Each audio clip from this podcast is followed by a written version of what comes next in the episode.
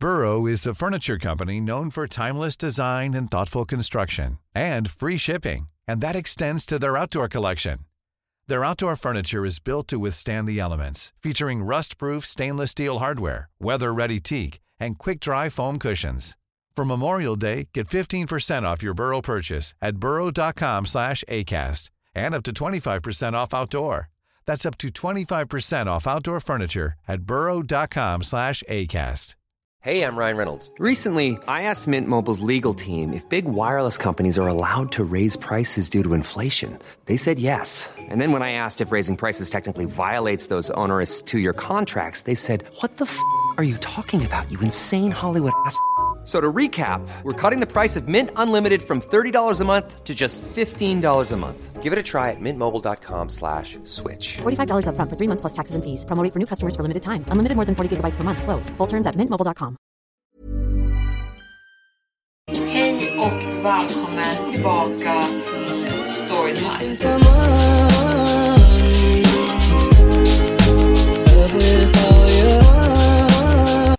Välkommen tillbaka till Storytime-podden. Som jag nämnde i gårdagens avsnitt så blir det dubbelavsnitt nu eftersom att jag missade några uppladdningar på grund av mitt datorstrul.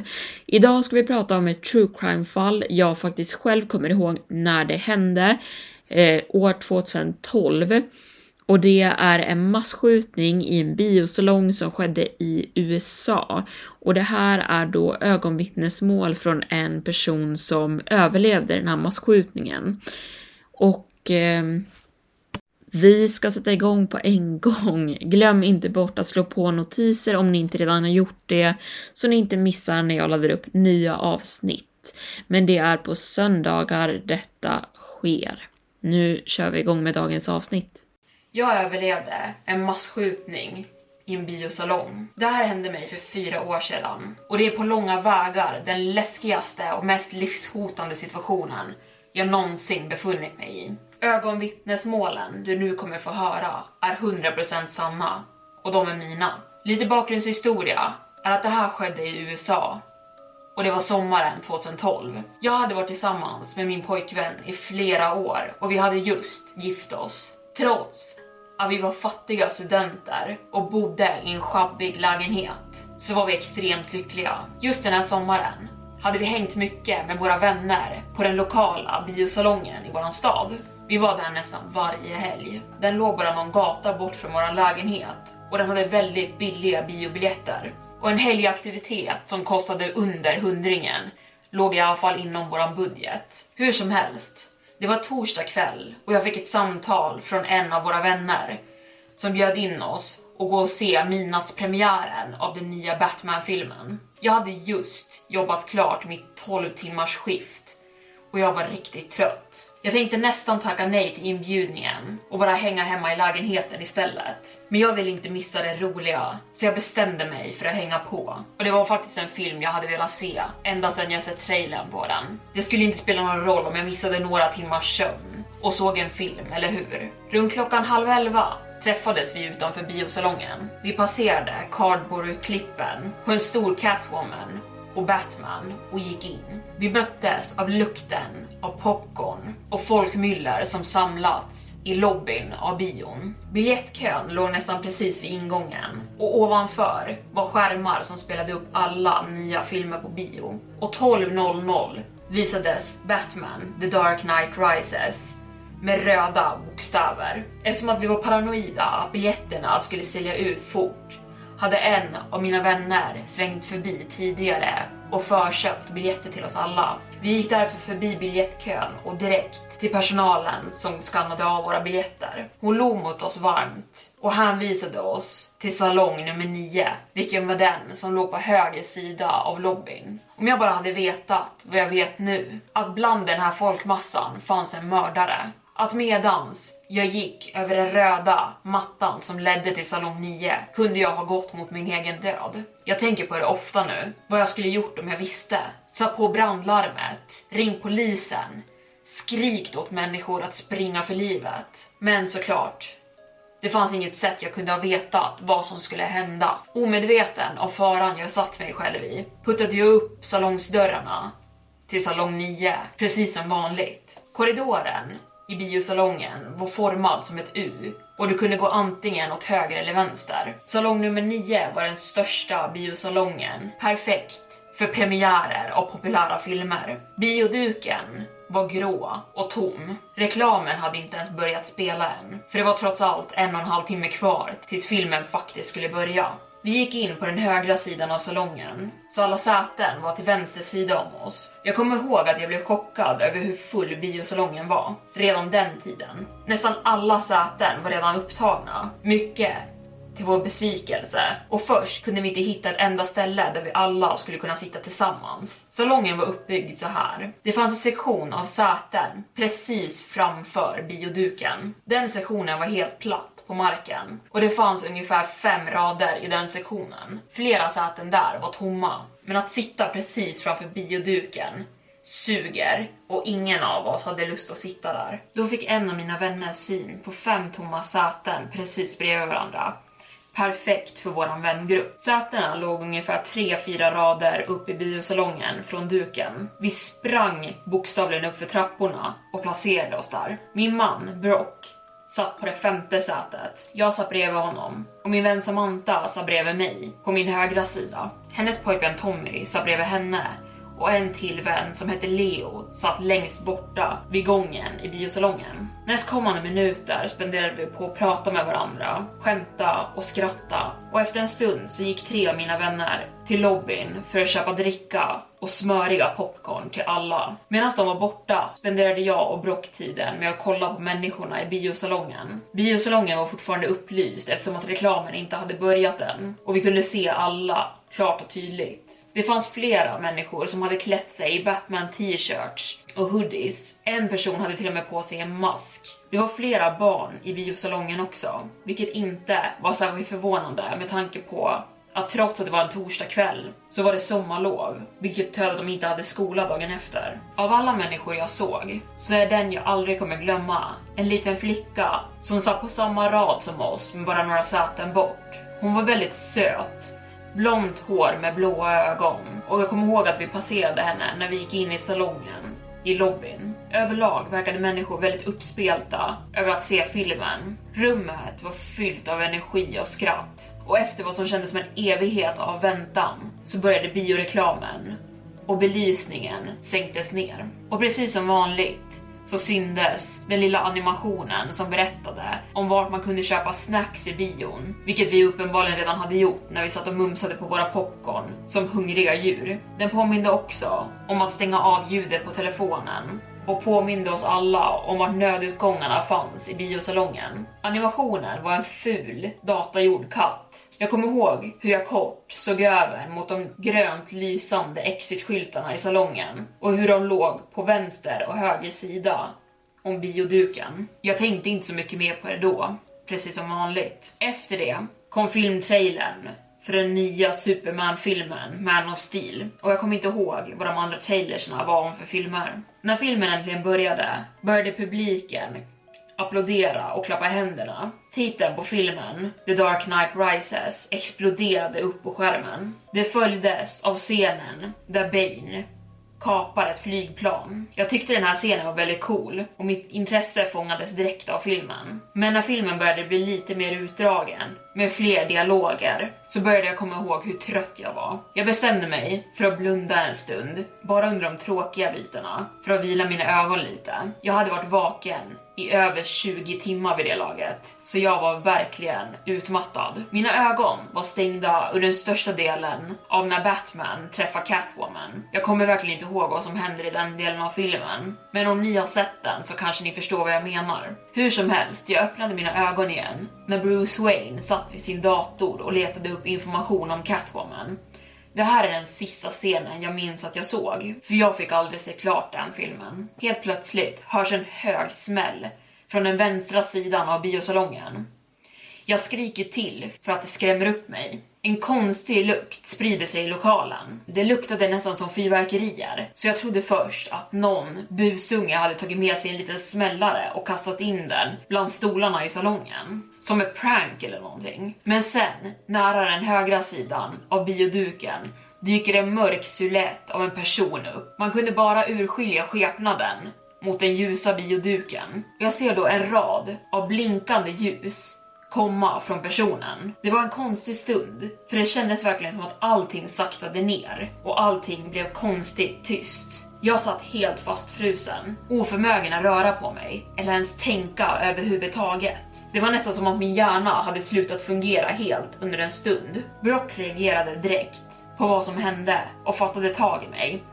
Han drog mig ner på marken och la sig ovanför mig och skyddade min kropp med sin egen. Vid det här laget hade min hörsel börjat funka igen och jag kunde höra pistolskotten smälla högt i biosalongen. Människor skrek och filmen spelades fortfarande och skapade en kaotisk explosion av ljud i hela salongen. Jag insåg först då att de blinkande ljusen jag sett komma från skepnaden hade varit avfyrade skott och en explosion av adrenalin sköt genom hela min kropp. Det fanns absolut ingenting jag kunde göra där och då än att bara ligga där på marken och be till gud att skotten som träffade biostolarna inte skulle träffa mig också. Vid någon punkt träffade splitter en del av mitt huvud och när jag fattade tag i mitt huvud för att se om jag blödde föll varma bitar av metall ner i min hand. Jag låg nu med ansiktet uppåt så jag kunde se allting som hände. Ljusen av den fortfarande spelade filmen dansade längs väggar och taket i salongen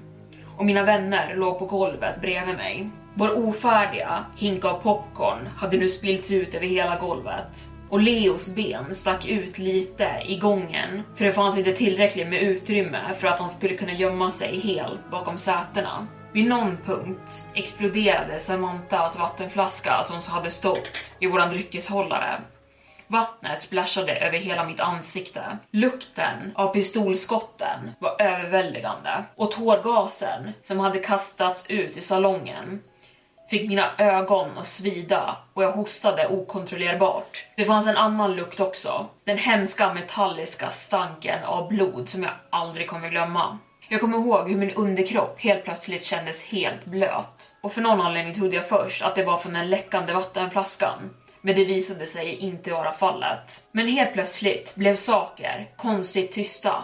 Pistolskotten hade tystnat och Tommy skrek vi måste ta oss ut härifrån. Så vi passade på, reste oss och sprang allt vad vi kunde genom mittgången, mot ena sidan av bioduken och mot den starka belysningen av exitskyltarna. Vi trängde oss in i ett litet hörn där nödutgången fanns, men det var så mörkt i hörnet där dörren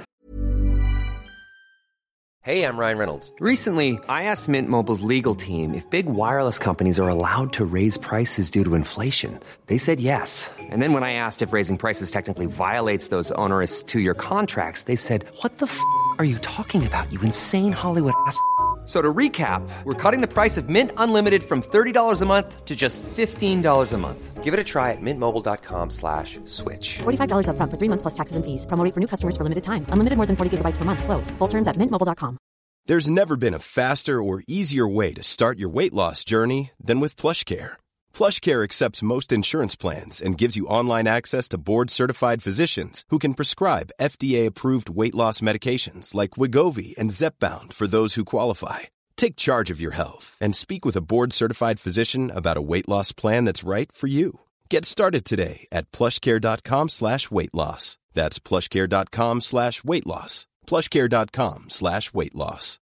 How would you like to look five years younger? In a clinical study, people that had volume added with Juvederm Voluma XC in the cheeks perceived themselves as looking five years younger at six months after treatment. Look younger, feel like you. Add volume for lift and contour in the cheeks with Juvederm Voluma XC. Reverse signs of aging by adding volume to smooth laugh lines with Juvederm Volure XC. For important safety information and to find a licensed specialist, visit juvederm.com. That's J U V E D E R M.com. Not for people with severe allergic reactions, allergies to lidocaine, or the proteins used in Juvederm. Common side effects include injection site redness, swelling, pain, tenderness, firmness, lumps, bumps, bruising, discoloration, or itching. There's a risk of unintentional injection into a blood vessel, which can cause vision abnormalities, blindness, stroke, temporary scabs, or scarring. Talk to a licensed specialist to find out if it's right for you.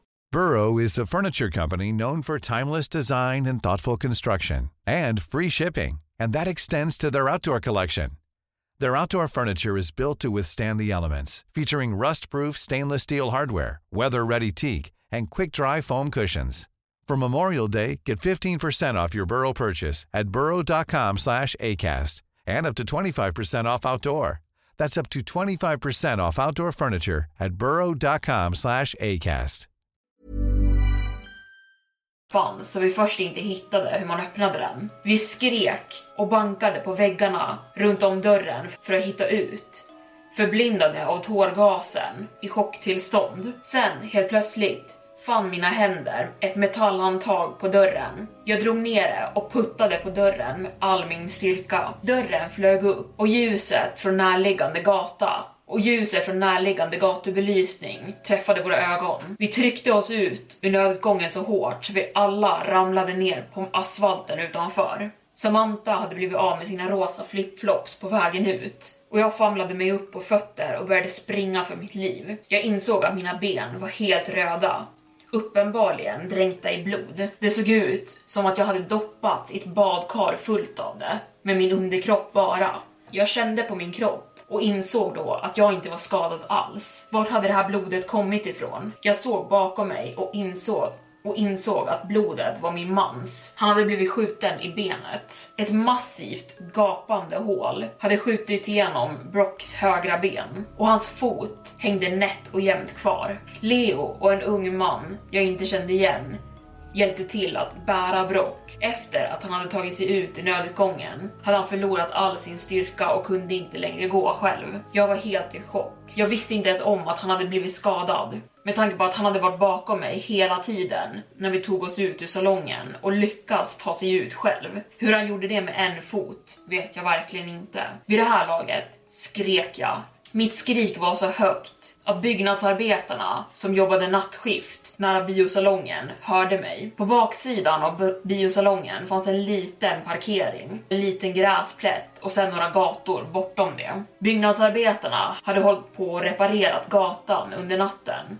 men när de hörde mitt skrik och såg oss springa hade de slutat arbeta och undrat vad som försiggick. Jag vet inte varför det här har etsat sig fast i mitt minne så mycket. Hur som helst, de kom fram och hjälpte till att bära Brock längs med trottoaren. Det var en ganska lång bit, flera meter, och efter det kollapsade min man av utmattning och smärta och han sa att han inte kunde röra sig längre. Han la sig ner och en pöl av blod formades under honom. Jag skakade och satte mig på knä bredvid Brock och började se mig omkring om någon annan var skadad. Tommy hade träffats i sitt knä och i sin höft och satt längre bort på parkeringsplatsen. Tonåringen som hade hjälpt min man att ta sig fram var också skadad. Hans pappa och mamma var med honom. Hans mamma satt lutad mot väggen och såg ut som att hon skulle svimma när som helst. Hon blödde också från flera ställen. Den familjen hade flytt på samma sätt som vi hade. Jag tror de också hörde att skotten slutat och tagit chansen att springa. Vi alla hade tur. För jag hörde fortfarande skjutningen pågå inne i salongen. Jag var tvungen att ta med min tröja för att använda den för att stoppa blödningen. Jag kommer aldrig glömma hur livlöst hans ben kändes och jag föreställde mig att det där var en död kropp kändes som. Jag fick blod överallt på mina händer och armar. Och Polisen dök upp väldigt, väldigt snabbt. Jag skulle gissa på att vi bara hann vara ute i några minuter innan jag hörde sirenerna och de röda och blåa ljusen fyllde upp natten utanför biosalongen. En kvinnlig poliskonstapel stod med oss hela tiden medan vi väntade på att ambulanserna skulle komma vilket tog en väldigt lång tid. Brock var en av de sista som kördes iväg mot sjukhuset. Han blödde i nästan 20 minuter innan ambulansen körde upp på samma gata där vi var. Vid det här laget var han nästan medvetslös och kunde knappt prata. Jag fick inte följa med i ambulansen eftersom att det var en annan skadad person där inne och det fanns inte tillräckligt med plats. Så jag vandrade runt utanför biosalongen, helt ensam osäker på vart mina vänner hade tagit vägen. Min blodstänkta tröja och en pöl av blod lämnades utanför på trottoaren där Brock hade legat. Och när jag gick runt kändes allting som en hemsk dröm. Jag kunde inte tro vad som just hade hänt. Människor var hysteriska och grät överallt. och flera var täckta i blod. Och precis som jag var jag säker på att blodet som täckte deras kläder inte var deras eget.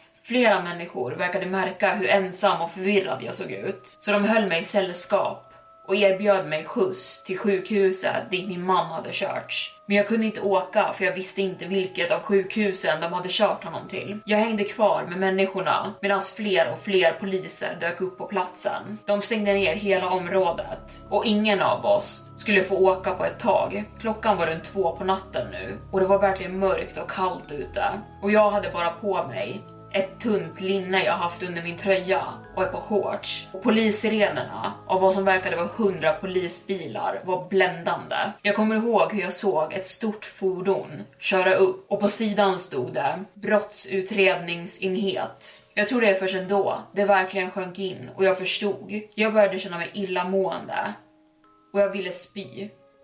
Men på något sätt lyckades jag hålla tillbaka det. Till slut började polisen tala om för oss Alltså, att vi fick åka hem och jag klättrade in i min bil och körde snabbt därifrån. Jag var i sånt panikstadie att jag inte ens tänkte på att åka tillbaka till lägenheten för att hämta min telefon och ringa mina föräldrar eller någon och be om hjälp. Jag var för arg, upprörd och rädd och fortfarande i något slags chocktillstånd. Skulle jag verkligen förlora Brock inom den första månaden av att vara gifta på grund av en psykopat med ett gevär. Men som tur var, i gryningen fick jag äntligen reda på vilket sjukhus som Brock hade förts till. De hade kört honom till sjukhuset i närliggande stad som låg ungefär 45 minuter bort från biosalongen. Och sjukhuspersonalen välkomnade mig varmt och förstående. Efter att de hade undersökt mig och var säkra på att jag inte också var skadad lät de mig vänta inne på akutavdelningen tills Brock var klar i operationssalen. Brock och Tommy hade båda överlevt trots att flera andra inte haft sån tur. Jag fick reda på dagen efter att 12 människor hade omkommit och över 70 stycken hade blivit skadade. Den lilla blonda tjejen jag lagt märke till i biosalongen tidigare hade inte överlevt.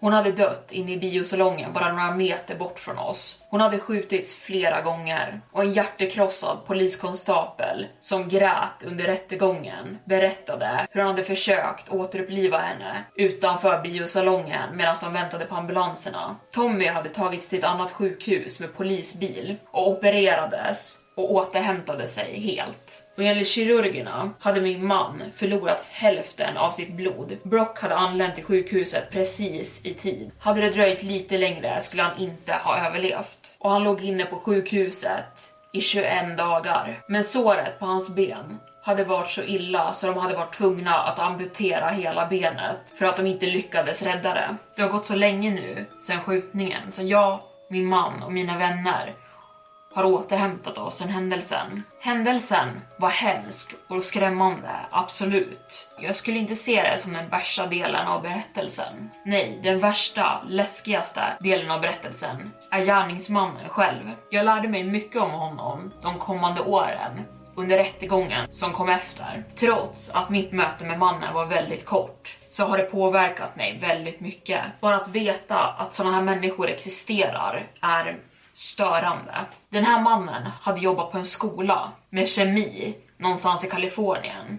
Jag antar att han hade varit väldigt smart eller någonting. Hur som helst, för någon anledning hade han blivit besatt av tanken på att döda människor. Efter att han hoppat av universitetet hade han flyttat till min stad och valt min lokala biosalong för att begå en massskjutning. Före det hade han tidigare planerat att gömma sig längs ett hikingspår i närliggande bergskedja, vänta tills människor passerade och sen mörda dem. Men det hade aldrig blivit av. Han hade stakat den här biografen i flera månader innan han gjorde sin attack. Trots att jag aldrig hade sett honom innan det så är det läskigt att tänka att den här människan kunde ha bevakat oss varje gång vi besökte den här biosalongen och vi hade aldrig vetat om det. Vi hade varit helt omedvetna vad han hade planerat för oss. Och det här förstörde hela min känsla av trygghet jag någonsin känt. För vem vet nu vad främlingen bredvid dig planerar för någonting i sitt huvud? Jag hade såklart sett bilder på honom på TVn, men i biosalongen hade jag bara sett en mörk skepnad, som en demonisk figur. Och för att utföra det här attentatet hade han beställt flera tusen ronder av ammunition, tårgas och en automatkarbin. Han tog bilder på sig själv som visades upp i rätten han hade dokumenterat alla steg Från när han köpte biljetten och när han gick in i biosalongen. Han satt i de främre raderna i biosalongen. Så vi måste ha passerat honom varje gång vi gick ut och köpte snacks. Och vid något skede under filmen hade han klivit upp, gått ut ur utgången, gått in i sin bil och rustat upp sig med sina vapen. Sen kom han tillbaka och började skjuta. Jag tror det värsta för mig var att hamna öga mot öga med den här sjuka individen i rättegången. När de kallade på mitt namn och jag reste mig upp för att gå och vittna så passerade jag familjer till döda och överlevare. Jag satt mitt emot honom, bara några meter bort. När han utfört dådet hade han haft orange hår och helsvarta kontaktlinser som såg extremt läskiga ut. Men nu när jag satt mitt emot honom var, var linserna borta och hans hår var bortrakat. Men han var fortfarande extremt obehaglig och jag visste att jag var i sällskapet av en ren och skär psykopat. Han hade en tom blick i sina ögon och stirrade rakt fram och han vägrade kolla på mig en enda gång när jag vittnade mot honom. En man som hade försökt döda mig och tacksamt misslyckas. Han åkte in i fängelse efter rättegången och hans dom var 3318 år i fängelse för sina brott. Det här är mannen som försökte döda mig. Mannen som orsakade oändligt många mardrömmar och flera år av trauma och paranoia. Mannen som försökte döda min familj och mina vänner och orsakade min man så mycket sorg som aldrig kommer kunna gå normalt igen. Mannen som stal en oskyldig liten sexårings liv som bara ville gå på bio. Så till mannen som orsakade den värsta massskjutningen i Colorados historia. Låt oss aldrig träffas igen och jag hoppas att du ruttnar i fängelse. Och med det så avslutar vi dagens storytime. Jag hoppas att ni har tyckt om det här avsnittet trots att det var ett väldigt hemskt true crime fall eh, vi pratade om just idag. Vi hörs igen på söndag redan och tills dess, slå på notiser så ni inte missar nya uppladdningar. Betygsätt jättegärna podden också där ni lyssnar på den. Jag uppskattar det supermycket. Men med det vill jag tacka för att ni har lyssnat idag. Hejdå! Planning for your next trip? Elevate your travel style with Quince. Quince has all the jet setting essentials you'll want for your next getaway, like European linen, premium luggage options, buttery soft Italian leather bags, and so much more. And is all priced at 50 to 80% less than similar brands. Plus, Quince only works with factories that use safe and ethical manufacturing practices. Pack your bags with high-quality essentials you'll be wearing for vacations to come with Quince. Go to quince.com/pack for free shipping and 365-day returns. Planning for your next trip? Elevate your travel style with Quince. Quince has all the jet-setting essentials you'll want for your next getaway, like European linen, premium luggage options, buttery soft Italian leather bags, and so much more. And is all priced at 50 to 80% less than similar brands. Plus, Quince only works with factories that use safe and ethical manufacturing practices. Pack your bags with high-quality essentials you'll be wearing for vacations to come with Quince. Go to quince.com/pack for free shipping and 365-day returns.